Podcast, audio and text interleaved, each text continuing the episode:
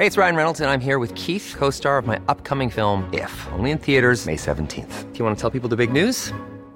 All right, I'll do it. Sign up now and you'll get unlimited for $15 a month in six months of Paramount Plus Essential Plan on us. Mintmobile.com slash switch. Upfront payment of $45 equivalent to $15 per month. Unlimited over 40 gigabytes per month. Face lower speeds. Videos at 480p. Active Mint customers by 531.24 get six months of Paramount Plus Essential Plan. Auto renews after six months. Offer ends May 31st, 2024. Separate Paramount Plus registration required. Terms and conditions apply if rated PG. Hold up. What was that? Boring. No flavor. That was as bad as those leftovers you ate all week. Kiki Palmer here, and it's time to say hello to something fresh and guilt-free. Hello Fresh. Jazz up dinner with pecan-crusted chicken or garlic butter shrimp scampi. Now that's music to my mouth. Hello Fresh. Let's get this dinner party started. Discover all the delicious possibilities at hellofresh.com.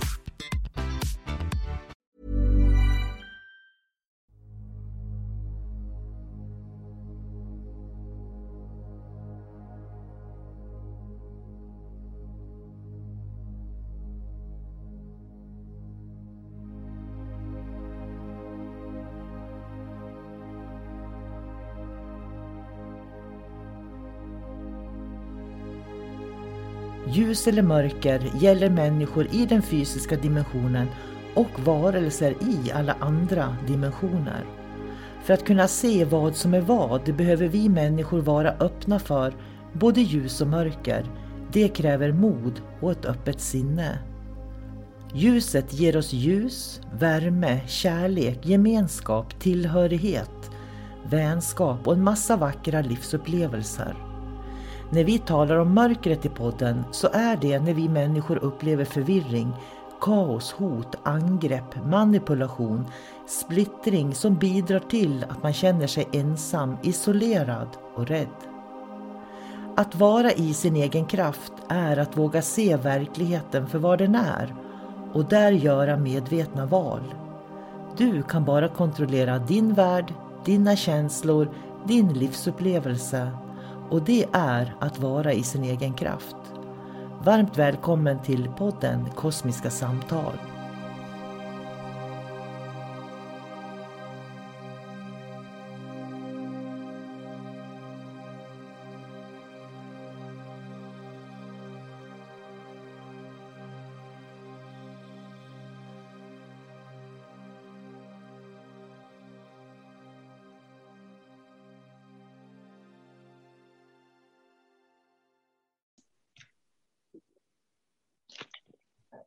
Hej och varmt välkommen till Kosmiska samtal.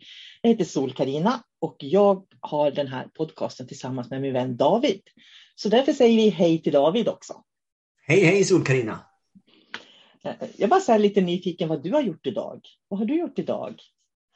Oj då, jag har gjort mycket. Eh, vad har jag gjort? Ja, men jag har gått en promenad med hundarna. Sen har jag varit nere i min stuga där och påtat på lite grann och så får jag till ett annat hus och inventera lite vapen och, och kolla priser för att det ska tas upp i en bouppteckning längre fram. Och, ja, så har jag stökat lite på gården, tagit bort lite redskap och sånt nu för att rensa gräsmattorna så man kan börja klippa med mm. gräsklipparen. Det har jag gjort. Du då? Ja, jag har varit, haft en lunchdate med barnen idag. Så vi har varit ute och ätit en lunch. Jättetrevligt i två timmar allihopa. Och sen har jag faktiskt haft en reiki-elev på förmiddagen som var jätteintressant att prata med. Hon bor nämligen inte i Sverige utan hon bor i England. Och det var eh, jättespännande. Hon är svensk men bor i England. Då. Så det, det, var, det är lite intressant. Så. Eh, och så har jag faktiskt skickat en distansreiki idag till en kvinna också i södra Sverige. Så lite så. Men sen har jag ju lyssnat lite grann på det här med Amber Heard och Johnny Depp också. För jag har ju liksom förlorat lite grann i den rättegången som de håller på med och lyssnat en hel del på det. Och idag var det slutpläderingar. Eh, så jag har hunnit lyssna lite. Och det har faktiskt varit intressant. Jag känner att egentligen borde jag skämmas som lägger så mycket tid på att lyssna på ett sådant spektakel. Men ibland behöver vi spektakel också faktiskt, tror jag. Ja, sen kan man ju alltid vända och vrida och fråga sig vad kan jag lära av precis det här? Mm. För att det är antagligen intressant för att det finns någonting där att förstå. Ja, och, och, det är ju det är intressant med hela den här kommersen. Dels vad de då vittnar och säger, men sen också hur folk reagerar i relation till det här. Och, och just att det sänds, det streamas på Youtube och så där också. Eh, och jag tänker så här, kanske det är en del av framtiden. Vem vet? Vi kanske får se det i Sverige så småningom också. Ja, kanske det. Ja. Men du, jag tänkte på en sak nu. Mm. När du sa att du hade en elev i England. För då jobbar ni via distans förstås. Ja, och via Zoom då. Ja, och jag har ju fått frågor om eh, hur det fungerar att skicka på distans. Till exempel, fungerar det eller måste man göra fysiskt? Och då tänkte jag bara förklara det här att om man nu kan skicka på distans, vilket man kan, det betyder att det spelar ingen roll om jag skickar energi till min granne som bor 50 meter bort eller till någon i England eller någon i Australien. Och nu när man har sagt det så betyder det också att det är exakt lika enkelt att skicka healing, alltså man jobbar med energier till andra planeter, andra utomjordingar, andra dimensioner. Så att det är så energi fungerar. Mm. Att man kan jobba liksom bortom tid och rum, bortom gränser. Det finns inga hinder. Och Det är så spännande när du säger det, för att jag ska ha en kurs i Nefertiti Cosmic Healing steg två i helgen nämligen. Och steg två handlar väldigt mycket om vibrationer och vad vibrationer är. Och flower of life och sådär. Så, så det liksom går igen. Men egentligen har vi inte ens kommit in nu då på ämnet för idag. vi skulle ju prata tidigare liv och det är ju intressant om man kan skicka igenom tid och rum och sådär. Eh, och då uh, tänker jag så här, om jag överlämnar till dig då först. Uh, hur ser du på tidigare liv? Tidigare liv, hur ser jag på det? Jag, jag, tror ju inte att, att jag i den här medvetande formen som jag har i kroppen, jag tror inte att exakt de beståndsdelarna har levt andra liv här. Utan som jag har sagt i tidigare poddar, jag eller vi, vi kommer alla från ett, ett enda stort gemensamt hav av medvetande. Sen regnar det ner här på, på jorden till exempel eller hela galaxen och så får det ner små medvetande i olika varelser av olika slag. Och just nu så har jag en droppe av det här medvetandet i mig. Och så har jag fått erfarenheter och jag har lärt mig saker här i livet och när jag dör så kommer den här droppen att gå tillbaks till havet. Mm. Så att det blir en del av allt. Mm. Eh, och det är därför också som man kan känna det att allting är ett. Man kan ha den känslan ibland. Så att jag tror inte på tidigare liv på det sättet att jag har levt förut. Utan eh, det blir liksom, visst det finns en tidslinje, det finns människor som har levt förut, men mycket är ju bara det kollektiva som jag plockar upp. Eftersom jag är en del av det stora medvetandet så kan jag gå upp till det här medvetandet. Jag kan känna in erfarenheterna som fanns för kanske 100-500 år sedan när någon var en häxa. Jag kan känna igen det, för jag har dem, tillgång till de erfarenheterna. Jag kan plocka ner dem i mig och känna dem. Men jag har inte levt som en fysisk person för 500 år sedan. Och jag så tror, ser jag på det. Ja, jag tror precis likadant. För det, det här med att det kollektiva, det är ju själsligt, det är erfarenheterna på något vis. Och jag tror att människor som tror att de lever flera liv, för det första så, så menar jag att de tar inte 100% ansvar för det liv de lever nu. Därför att då, då har de någon sorts tro om att de får en chans till och en chans till och en chans till. Och då kan man ju fråga sig, undrar hur de tänker sig då när de blir klara och vad är det att vara klar? Så jag tror absolut inte på det där med tidigare liv, men jag tror att man kan använda tidigare liv för att se sig själv här och nu. Och det är så vi ska använda det, tror jag. Att tidigare liv är för mig bara symboler egentligen. Så att om jag ska ta ett exempel om, du sa häxa till exempel. Ja, det är väldigt populärt. Ja, om vi säger att, låt säga att du har en bild av vad en häxa är. Och så kanske du har en jobbarkompis som beter sig i vibrationen på det sättet. Då kanske du skulle säga, ja min jobbarkompis har varit en häxa i tidigare liv. Därför att det stämmer överens med den vibration, den syn du har på vad en häxa är till exempel. Eh, så att jag tror att vi använder det för att identifiera och manifestera och jag tycker i, i grund och botten att det här med att vi lever flera liv för att vi ska utveckla oss, det, det tycker jag är en ganska egoistisk tanke. Därför att det är ju lätt att sitta med den tanken här i Sverige, där vi har det bra. Men resten av världen då? Då kan man liksom fundera, de här i Ukraina nu då, har de liksom begärt att de ska få dö för att de ska få bli något bättre i nästa liv? För mig är det, det är så knepiga tankar det där överhuvudtaget. Ja, men det, det, är väl lite grann samma som de här kastsystemen i Indien. Och, och även jag såg ett, ett, ett eh, program från eh, Amerika. Det finns en massa tokar där. Men det var det någon som, eh, som stod på en scen och så hade de flera tusen människor ungefär. Och han stod där och predikade och sa att jag är rik. Jag är rik för att Gud vill att jag ska vara rik. Därför ska ni donera pengar till mig. Mm. Och så kom det fram ett nummer längst ner. Och ni som är fattiga, ni förtjänar att vara fattiga. Gud vill att ni ska vara fattiga. Det är er lott här i livet, men jag ska vara rik. Så att, men, det där är bara jättekonstigt. Det är bara ett sätt att liksom eh, sko sig själv. Och man tar ju inte ansvar för någonting där då. Men jag tror också att det är så, om man tänker på det indiska kastsystemet, så är det som om du är liksom latrintömmare. Ja, då, då, då är det ju så att Ingen kanske vill ha det jobbet som latrintömmare då till exempel. Men om jag nu är född med föräldrar som är det, då accepterar jag min lott i livet därför att jag vet att i nästa liv kan jag bli någonting bättre. Och då har ju liksom den här personen glömt att du kanske inte behöver vara latrintömmare hela livet. Du kan studera, du kan bli någonting, du kan söka dig ett annat arbete. Men så jag menar på att man använder de här systemen för att styra och kontrollera människor så att de som eh, sitter och blir matade, vindruvor då, ska slippa tömma latriner till exempel.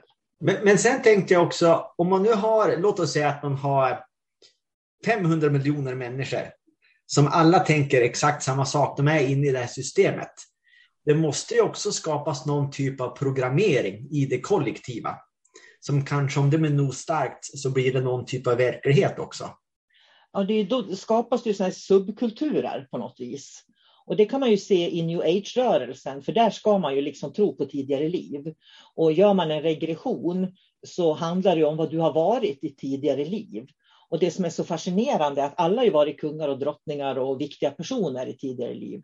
Så gör man en regression då, när man går tillbaka till tidigare liv, så är det ju sällan någon som har varit bondmora eller bonde eller liksom varit obetydlig, om man säger så. Utan de flesta har eh, varit någonting som är väldigt viktigt. Sådär. Lite fint också. Ja, eller min erfarenhet är precis som du säger, man har varit någonting viktigt. Eller också har man alltid varit med om någonting väldigt traumatiskt. Jag vet att eh, i början av min karriär så då fick jag en, eh, låt oss säga en avläsning då, av en, en kunnig lärare. Och hon, det var tre tidigare liv som hon nu ska jag säga, jag tror att det var tre som hon hittade. Och på ena, så då hade jag ju brunnit in i något hus, så då skulle det vara rädd för eld. I något annat så hade min pappa blivit biten av en orm, tror jag, och eh, eh, han blev dödad och jag såg på som treåring och så fick jag ett trauma och sen kommer jag inte ihåg resten. Men det är bara sådana här eh, skrämsel, propaganda på något sätt som sänker vår frekvens eller också är det något otroligt bra, vackert och fint. Det är inget så här, ja du levde ett vanligt liv, fick två barn, eh, du levde loppan, sen dog du. Sådana läsningar får man ju aldrig. Nej. Det första jag fick också, tidigare livläsningar, det var ganska kul, för då, då var jag i Stockholm och då fick jag en tidigare livläsning mellan mig och min första man. Och det, var, det som var så intressant det var att det hade kunnat vara livet här och nu idag. Liksom. Eh, för då, för det första så var han då känslomässigt låst. Så han var liksom, hade väldigt svårt att visa känslor och så där i det ena livet jag levde med honom då. Och i det andra livet som jag hade levt med honom hade jag varit älskarinna åt honom då på 1700-talet eller något sånt där. Och sen i det tredje livet, då skilde vi oss. Jag tyckte det var ganska kul. För det var ju liksom, det var ju som mitt liv idag, du vet, för 30 år sedan. Så, eh, så jag tror ju att hon fångade ju upp då det som skulle hända i våra liv på något vis, tror jag. Och förpackade det i någon exotisk miljö då? Ja, till tidigare liv. Och jag tror att det är lite grann så, för vi har, jag brukar säga till, till eleverna eh, när jag har kurser att på något vis så behöver vi aldrig oroa oss för det som har varit bakåt. Därför att alla, alla barn som föds kommer automatiskt att ha med sig det de behöver för att gå framåt i livet. Så att barn som föds, de föds inte med med liksom trauman bakifrån som de måste bearbeta hela tiden, utan de föds med ny kunskap. De kommer med nya ögon, nya erfarenheter, ny kunskap. Så att, eh, det där med att, eh, att utvecklingen går framåt, det kommer den alltid att göra. För att om jag har en massa negativa erfarenheter i mig, så kan jag garantera det att mina barn kommer att kunna hantera det på något sätt. Det är ju det som är för mig en del av evolutionen. Ja, då, då tänker vi också på liksom eh, den här fysiska kroppen, människans evolution och mm. även planetens evolution, den går ju alltid framåt. Mm. Och, och sen, med, sen, har vi, sen har ju medvetandet en roll i den, hur man ska styra riktningen också. Ja, för att om vi inte skulle gå framåt med varje nytt barn som föds, då skulle vi ju fortfarande leva på medeltiden. Då skulle vi fortfarande liksom leva som man gjorde på 1500-talet. Så det går ju framåt hela tiden. Vi utvecklas och lär våra erfarenheter som ett kollektiv. Jag tror inte att vi lär enskilt, vi lär som ett kollektiv. Jag ja. tror faktiskt att det är så att om, om världen behöver, vi säger nu då när det är krig lite här och där i världen, då kanske den här världen behöver mer fredsmäklare. Du kan ge dig den på att det kommer att födas barn som är väldigt duktiga fredsmäklare. Men då tänker jag också som på inspiratörer. För det finns ju vissa personer som har kommit hit och som har förändrat utvecklingen väldigt drastiskt och som är kända. Till mm. exempel eh, ja, men Leonardo da Vinci, alla vet ju vem han är. Han är, kan allting och han är så fantastisk. Han var ju läkare och tekniker och han eh, målar och allt möjligt. Så att vissa människor kommer ner och påverkar väldigt mm. många runt omkring. Och det tror jag har att göra med precis det jag sa, att de föds med den kunskap som mänskligheten behöver. Det kommer alltid att vara så. Jag tänker Greta Thunberg, hon är ju också ett sådant exempel. Där hon liksom satte sig ner och började strejka för klimatet eh, på fredagarna till exempel. Och plötsligt har hon fått med sig alla ungdomar i hela världen i den här klimatgrejen. Och, och det är ju så det är, det kommer hela tiden människor som på, på olika sätt visar oss och pin, pinpointar vad som är viktigt. Eh, och, och, som styr riktningen lite grann också, skulle jag vilja säga. Jag, jag, tror ju alltså inte på tidigare liv, utan jag tror att vi lever ett liv och det livet ska vi vara väldigt rädda om och vi ska leva väldigt medvetet och närvarande.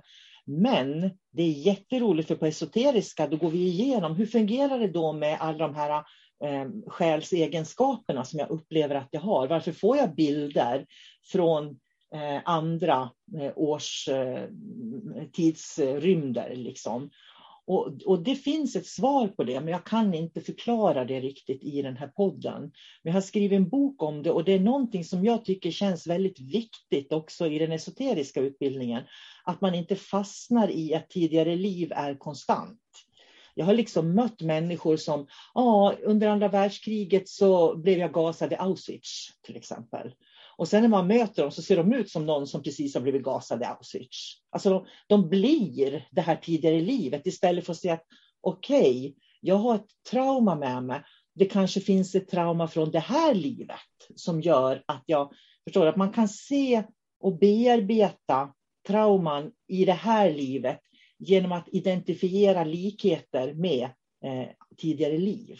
Ja, alltså det, det, blir ju problematiskt om man identifierar sig med ett tidigt liv som eh, eh, har väldigt negativa egenskaper. För då kommer man ju, även om man rent tekniskt så blir det, vi kan låt oss kalla det ett minne, man har plockat minne ur det kollektiva. Jag blev gasad i Auschwitz som du sa. Eh, och så tror man att det är jag. Och så börjar man ta på sig den känslan och leva i den känslan. Istället bara för att man skulle bara kunna se det som att jag har möjlighet att titta vad som har hänt bakåt i historien. Jag har möjlighet att känna vad som händer i historien. Eh, men jag lever här och nu. Mm. Så att jag, jag blir, det finns en slöja däremellan. Att jag behöver inte bli påverkad. Jag behöver inte gå in känslomässigt i mina tidigare liv som egentligen bara är någon typ av tidigare erfarenheter eller minnen som jag plockar upp från det kollektiva. Så man måste liksom ha, ha den där slöjan däremellan så att man inte identifierar sig och börjar känna in och bli tidigare jag, Ja, för jag, jag tror att det, det, är svårare för människor att se sitt eget liv bakåt, eh, eh sant, ärligt och öppet. Och då använder man sig av de här symbolerna då från tidigare liv för att kunna se. Och när jag då liksom löser någonting i tidigare liv så kommer det att påverka en händelse från det här livet, så att säga nu. Eh, så att jag, jag tror att det hänger ihop på det sättet.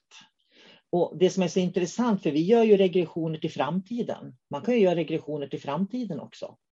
Så det är ju inget problem. Man kan göra regressioner och göra tidsresor till andra eh, eh, civilisationer. Eh, och titta vad har, har, har, vilka civilisationer har jag levt på i tidigare liv. Och det är jätteintressant, för, för mig är det en massa, massa själsegenskaper som just jag har just nu, som hjälper mig att eh, liksom bli mer upplyst på jorden på något sätt. Eh, och det, men det är bara för att jag ser det som återspeglingar av någonting som redan finns i mig. Ja, och eh, vi har ju förklarat det här i en tidigare podd också tror jag som eh, det liknar vid en sockerkaka va? Och ja, recept. Ja. det kan ju ni, ni ja, lyssnare sö söka upp sockerkakan. Jag vet inte exakt vad den heter. Men... Den är jättebra. Det är en jättebra liknelse tycker jag med tidigare liv, just sockerkakan. Ja, att man plockar eh, om man nu är sitt medvetande där uppe som skarpar runt och så ska man ner hit på jorden med ett specifikt syfte. Så då plockar man med sig olika erfarenheter från det kollektiva. Olika minnen, kanske en häxa från 1500-talet, kanske egenskaper från eh, någonting helt annat. En krigaregenskap till exempel. Eh, och så går man ner här och så har man sitt recept för vad man ska göra. Och det, det jag tänker också, det är många som har, upplever att de har eh, Eh, egenskaper från mästare, uppstigna mästare, upplysta mästare med sig. Som till exempel, det är inte alls ovanligt när människor börjar hitta sig själv, börjar öppna hjärtat och börjar förstå, liksom inte bara det här jag, jag, jag, jag, utan det finns ett vi. Och när man börjar öppna vi-medvetandet, då öppnar man också Kristusmedvetandet och det är jättespännande tycker jag. Och då gäller det att man förstår att här har jag öppnat en dimension av mig själv men har man då den här tron på tidigare liv och de här subkulturerna, då är människor övertygade om att de har varit Jesus i tidigare liv. Jag har mött jättemånga sådana som är helt övertygade om det. Istället för att de ser att det är de egenskaperna jag har. För det är någonting helt annat. Jag tänker också att det, det, kan ju få konsekvenser om man går runt och säger att man är Jesus till exempel. Eh, på arbetsplatser och dylikt beroende på hur hårt man tror på det. Jag menar, eh, det finns ju de som får hybris av just de här anledningarna för att de kan inte skilja på, på tidigare liv och nu. Mm. Ja, och jag måste, en till grej jag måste berätta som också är så kul i det här för att eh, 2012 däromkring så skapade jag Nefertiti Cosmic Healing, då, den här healingmetoden. Och jag får flera mejl varje år av människor som tycker att jag behöver veta att de har varit Nefertiti i tidigare liv. Och då blir jag så här fnissig, för då tänker jag, då har de ju troligtvis med sig någon liten eh, ingrediens från Egypten eftersom de identifierar sig med henne. Då, liksom. För Nefertiti har ju ingenting med Nefertiti Cosmic Healing att göra egentligen. Har det inte. Mm. Nej, men det är spännande det här med tidigare liv. Eh, är det något mer vi ska tillägga? Ja, jag vet inte. För många eh, tycker, jag skulle vilja säga så här att det, använd tidigare liv för att spegla och se vilka egenskaper du bär med dig. Men gör inte dig själv till ditt tidigare liv. Och sen tänker jag på det här med holistisk hälsa, för holistisk hälsa det innebär ju att, att det inte finns egentligen fasta former. Därför att vi kan behöva olika saker. Och är man sådär att jag tror på tidigare liv, det är 100 procent att det är så. Jag lever liv efter liv efter liv för jag ska lära mig, för livet är en skola och sådär. Då har man inte ett holistiskt tänkande. Då har man ett sekteristiskt tänkande. Därför att jag är fullständigt övertygad om, och det tror jag också vi har pratat om någon gång, att om jag var själv och ensam kvar på jorden, då skulle inte livet fungera. Vi är så beroende av varandra. Och det är därför som det finns ett vi-medvetande, inte ett jag-medvetande egentligen. Ja, jo men så är det ju. Men jag tänker också, de som tror på, på, på tidigare liv måste också leva i någon typ av rädsla.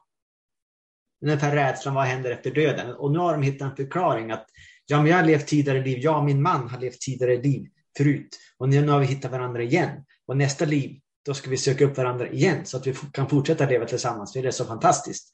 Så att där tar man ju, där har man ju fastnat i en loop på något sätt som man inte kan ta sig ur. Och man vill inte ta sig ur den heller. För att den där loopen betyder någon typ av trygghet.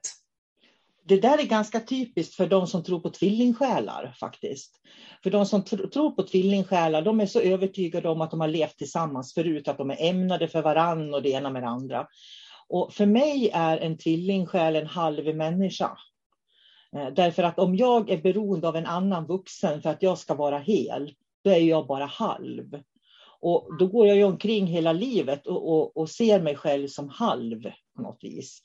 Så jag tänkte apropå det du sa nu då, det här med för jag kan möta människor som är övertygade om, och det här är jätte, nu börjar det bli intressant egentligen David, för då kommer man till det här med när människor möter en människa och så säger de så här, herregud, de bara, hjärtat bara öppnar upp sig när de möter en människa. Förstår? De kan liksom bara, de känner de öppnar hjärtat och det bara flödar kärlek. Och så säger de, så, vi måste ha levt ett tidigare liv, för när vi möttes, då bara öppnar man hjärtat och känner kärlek. Och så börjar de fundera så här, den här jag är gift med, varför känner jag inte så för honom? Utan för den här främmande människan som jag möter. Och, och, det är ganska intressant, för då är man oftast inne och tassar på att man tycker att ja, men vi har nog haft ett tidigare liv ihop, han och jag eller hon och jag, eftersom det liksom varit den här explosionen i vårt möte i det här livet. Istället för att fatta att man egentligen är ganska lika.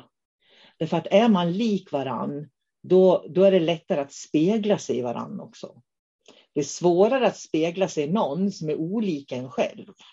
Är det. Cool fact a crocodile can't stick out its tongue. Also, you can get health insurance for a month or just under a year in some states. United Healthcare short term insurance plans, underwritten by Golden Rule Insurance Company, offer flexible, budget friendly coverage for you. Learn more at uh1.com. This is Paige, the co host of Giggly Squad, and I want to tell you about a company that I've been loving Olive and June. Olive and June gives you everything that you need for a salon quality manicure in one box. And if you break it down, it really comes out to $2 a manicure, which is absolutely insane. It's also so easy to get salon worthy nails at home with Olive and June. The difference between how your nails used to look when you did them yourself and now with the Manny system is a complete game changer. The best thing about Olive and June too is it's a quick dry, dries in about one minute, lasts for five days, and full coverage in up to one to two coats. Visit oliveandjune.com slash perfect Manny 20 for 20% off your first system. That's oliveandjune.com slash perfect Manny 20 for 20% off your first system. I'm Sandra, and I'm just the professional your small business was looking for. But you didn't hire me because you didn't use LinkedIn jobs. LinkedIn has professionals you can't find anywhere else, including those who aren't actively looking for a new job but might be open to the perfect role, like me.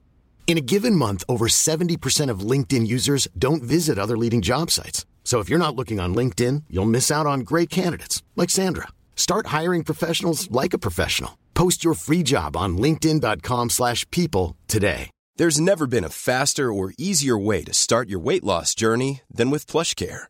PlushCare accepts most insurance plans and gives you online access to board-certified physicians who can prescribe FDA-approved weight loss medications like Wigovi and Zepbound for those who qualify. Take charge of your health and speak with a board-certified physician about a weight loss plan that's right for you. Get started today at plushcare.com slash weight loss. That's plushcare.com slash weight loss. plushcare.com slash weight loss. Ja, så är det ju. Men det, nej, men det är jätteintressant, för jag, jag har ju stött på dem som också har träffat någon lite flyktigt och så sen har det blivit så här fantastisk eh, explosion som du sa. Eh, och de kan bara sitta och utdela energier med varandra och de har kommit fram till att de har ju haft tidigare liv, de har haft familjekonstellationer tillsammans på olika sätt. Och sen har de ju Ja, de har ju fru och man på, på varsitt plan, då, eller på varsitt håll. Men på något sätt kan jag också tänka så här att det kanske är så att de är intresserade av varandra. De kanske på något sätt är kära i varandra. Men det finns inte utrymme att liksom göra uppbrott eh, från sina relationer och ta ihop det. Så då kan man skylla på att ja, men vi har haft tidigare liv tillsammans? Så att det är därför som vi tycker om varandra så mycket. Det är därför som eh, vi är så nära. Så, så, det kan också vara en förklaring förstås. Det här är jätteroligt. Vet du, för, för 30 år sedan så i Västerås eh, och i södra Sverige fanns det två män som hade kurser tillsammans. Eh, och jag bestämde mig för att åka på kurs en vecka då med de här. för jag tänkte det kan vara utvecklande. Ända tills tredje dagen, då skulle vi dansa nakna allihopa. Och då var det en hög med kvinnor och så de här två männen. Och då kände jag så här, nej, det här är inte min grej. Så jag åkte hem. Jag kände att jag tänker inte stå och dansa naken. Jag behöver inte förlösa några känslor och vara naken i en miljö. Ja, du vet, det är helt galet. Men det som var så kul med de här, de var övertygade om att de hade mött sina tvillingsjälar, de här, förstår du. Så de hade fått sina fruar att gå med på att de då och då fick åka iväg och träffa sina tvillingsjälar, för det var ju så viktigt. Liksom. Och, och, och, då så, jag var ju ny i det här, liksom, så jag kände att ja, det är väl så att det kanske finns en tvillingsjäl och så där. Tills jag liksom blev lite mer utvecklad och förstod hur det hängde ihop. Då. Så de åkte iväg då och umgicks med de här tvillingsjälarna vet du, som de hade träffat. Fruarna var hemma med barnen och så där. Men det höll ju kanske ett eller två år. Sen hade de ju skilts och flyttat ihop med sina tvillingsjälar. Så jag tror att det är lite grann så där, att man möter någon som liksom är väldigt lik en, därför att du öppnar inte ditt hjärta för en människa som är olik dig. Du upp, för då, blir, då känner du ett hot istället, utan du öppnar ditt hjärta för människor som är väldigt lik dig.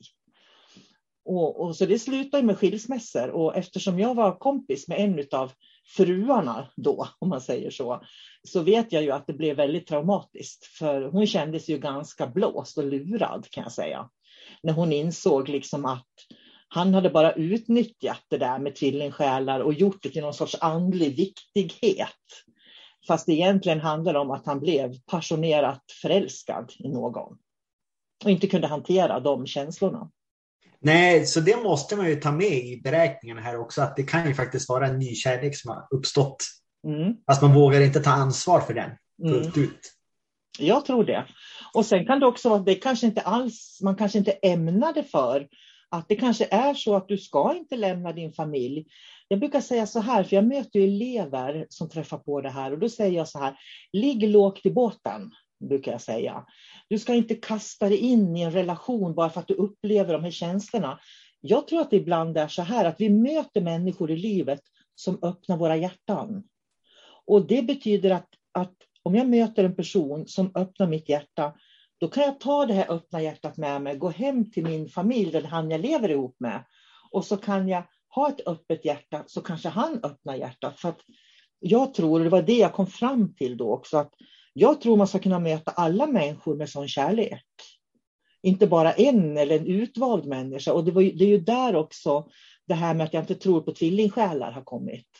För tvillingsjälar, det är för mig en dålig ursäkt bara för att få rumla runt med en människa eller få, få sätta mig på piedestal eller sådär. Ja.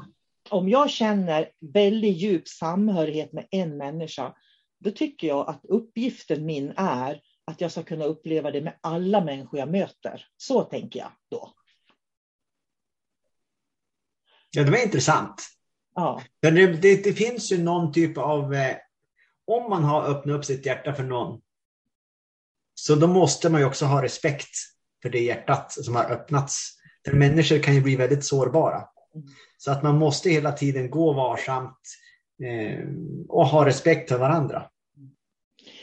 Jag möter ju mest kvinnor liksom, i den här branschen, så är det. Och jag vet alltså jättemånga kvinnor, jag skulle kunna räkna dem på bägge händerna, som har varit med om det här.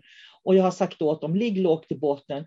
Och det, vet du vad som har hänt? Det som har hänt är att när de ligger lågt så att du vet den här första förälskelsen, passionen får, får liksom falna lite grann.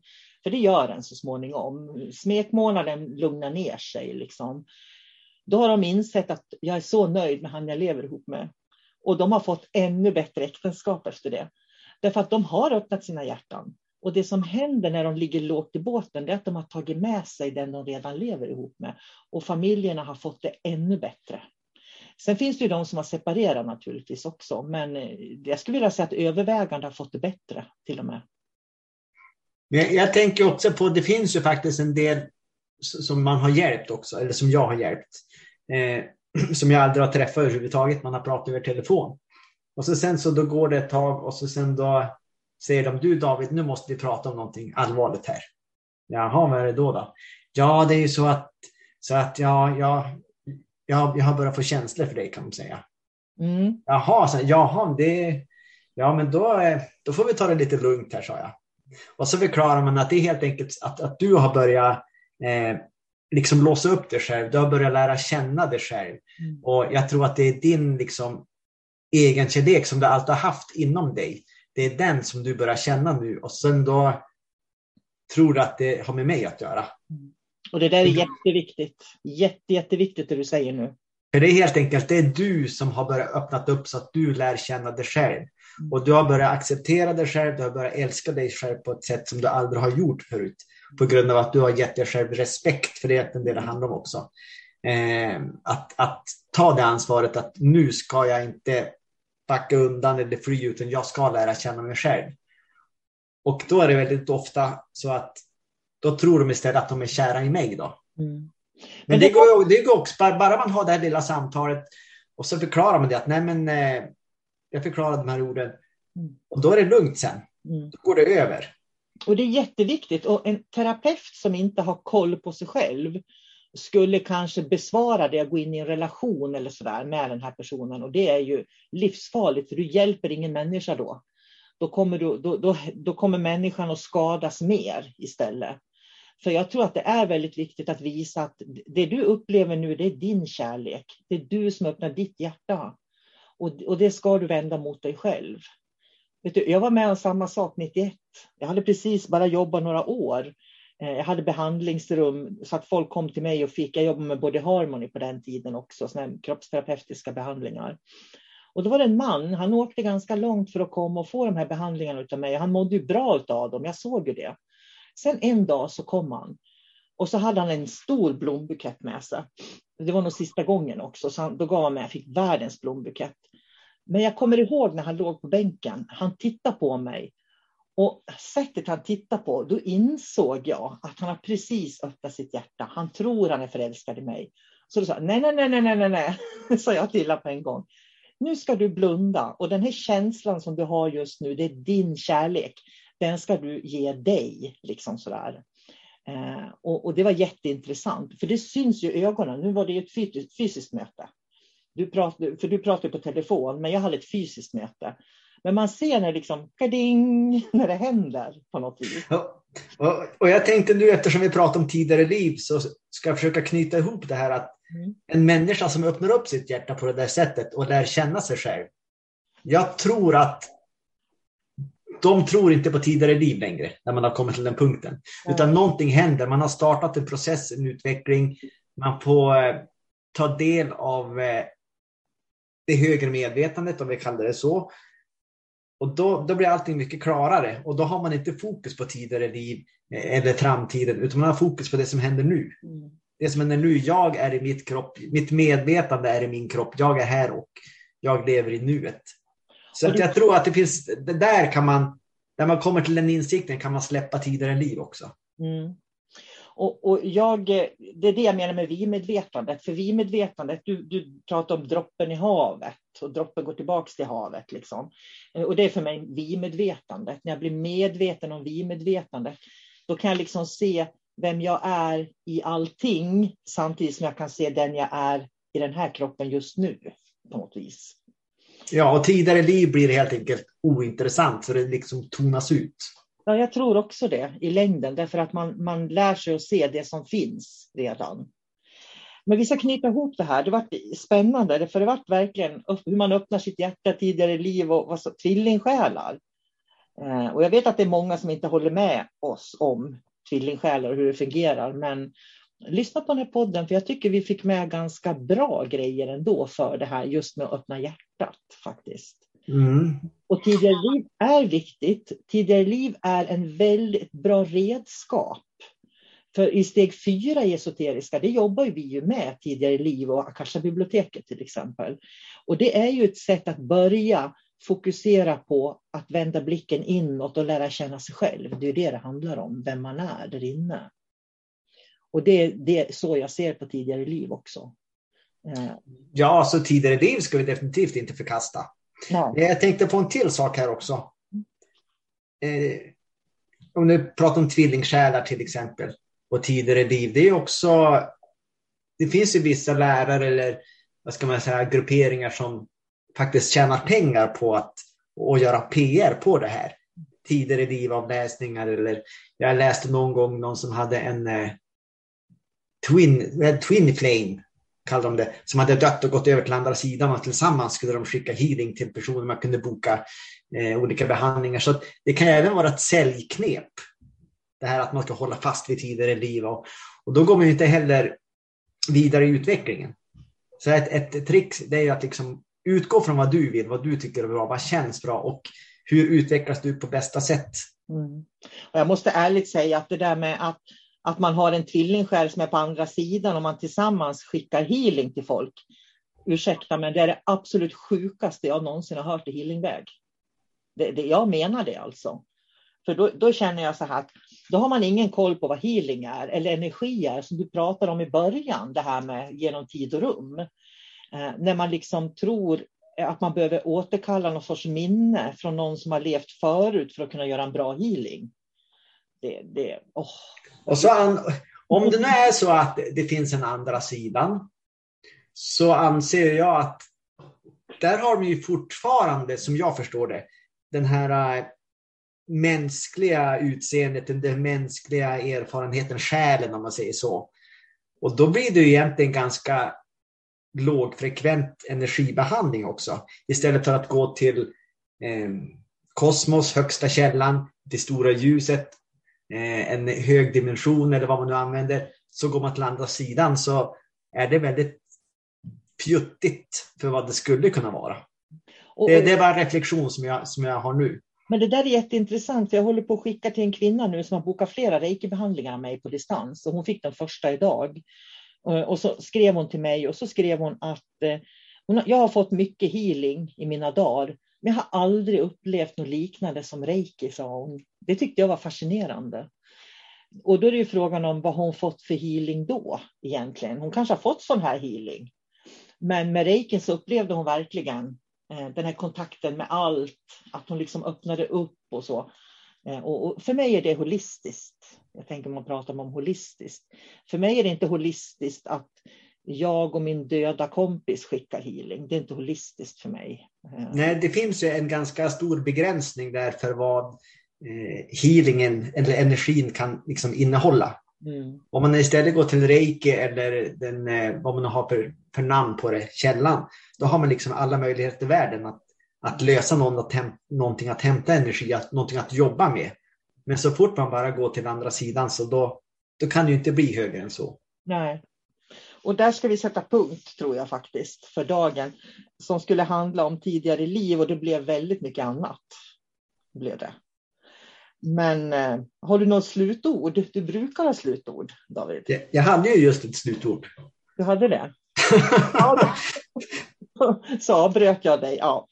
Då säger vi så här, då ska vi runda av nu och faktum är att Eh, är, är ni intresserade av att lära er mer om det här så vill jag faktiskt hänvisa till min hemsida solkarina.se för den esoteriska utbildningen som jag har. Där jobbar vi med just de här frågorna och man får lära sig också hur man ska förhålla sig till det och vilket bra verktyg det är och så där. Eh, och är det så att du vill prata med David så kontaktar du honom. Och är det så att du vill prata med mig eller gå en kurs så kontaktar du mig. Och jag skulle vilja göra lite så här uh, reklam också för den här digitala kursgården jag har som är online. Jag tycker det är så fantastiskt. Man kan när man vill lära sig saker och, och jobba med sin egen utveckling på den här digitala kursgården då, som ligger på sanessens.se. Och med det David så säger jag tack för mig. Ja, och tack för mig Sol-Carina. Ja, och tack till er som lyssnar och har det riktigt bra så hörs vi igen. Hej då! Hej då! Mom deserves the best, and there's no better place to shop for Mother's Day than Whole Foods Market. They're your destination for unbeatable savings, from premium gifts to show-stopping flowers and irresistible desserts. Start by saving 33% with Prime on all body care and candles. Then get a 15-stem bunch of tulips for just $9.99 each with Prime. Round out Mom's menu with festive rosé, irresistible berry chantilly cake, and more special treats. Come celebrate Mother's Day at Whole Foods Market. Even when we're on a budget, we still deserve nice things. Quince is a place to scoop up stunning high-end goods for 50 to 80% less than similar brands. They have buttery soft cashmere sweaters starting at $50, luxurious Italian leather bags, and so much more. Plus, Quince only works with factories that use safe, ethical, and responsible manufacturing. Get the high-end goods you'll love without the high price tag with Quince. Go to quince.com/style for free shipping and 365-day returns.